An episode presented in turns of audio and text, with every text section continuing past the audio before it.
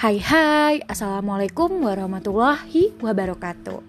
Nah, di episode kedua ini, Ibu Devi akan menjelaskan sejarah podcast. Simak ya. Nah, setelah kalian tahu tuh arti dari podcast yang udah Ibu Dep-Dep sampaikan di episode pertama Sekarang sejarah podcastnya. Nah, ada baiknya nih kalian mahamin sejarah dari kehadiran podcast. Masih dari blog keywords.com ya. Sampai dengan perkembangan saat ini di Indonesia, podcast itu pertama kali muncul dalam artikel yang dibuat oleh Ben Hammersley dalam surat kabar The Guardian tahun 2004 lampau. Podcast sendiri itu awalnya berasal dari kata pod, yang berarti playable on demand. Podcast ini memang dahulu dirancang untuk dapat diputar pada Mac dan juga iPod. Podcast ini menjadi semakin populer pada satu tahun berikutnya, sempat jadi sangat booming pada tahun 2007. Sayangnya kita sampai nggak tahu tuh bahwa si podcast ini udah booming pada tahun 2007. Bahkan popularitas podcast ini terus berkembang cepat sampai dengan saat ini.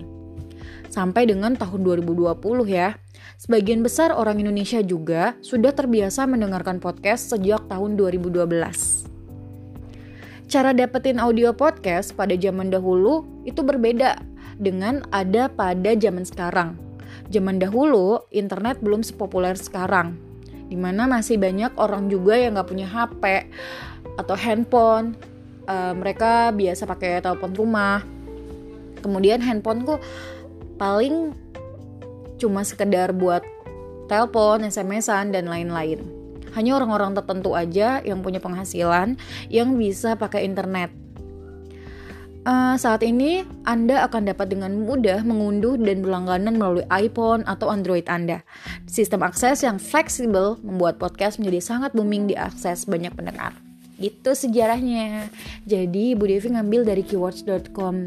Kalian boleh kok uh, ikutin keywords.com ini salah satu blog ya yang ngejelasin tentang web hosting Indonesia gitu.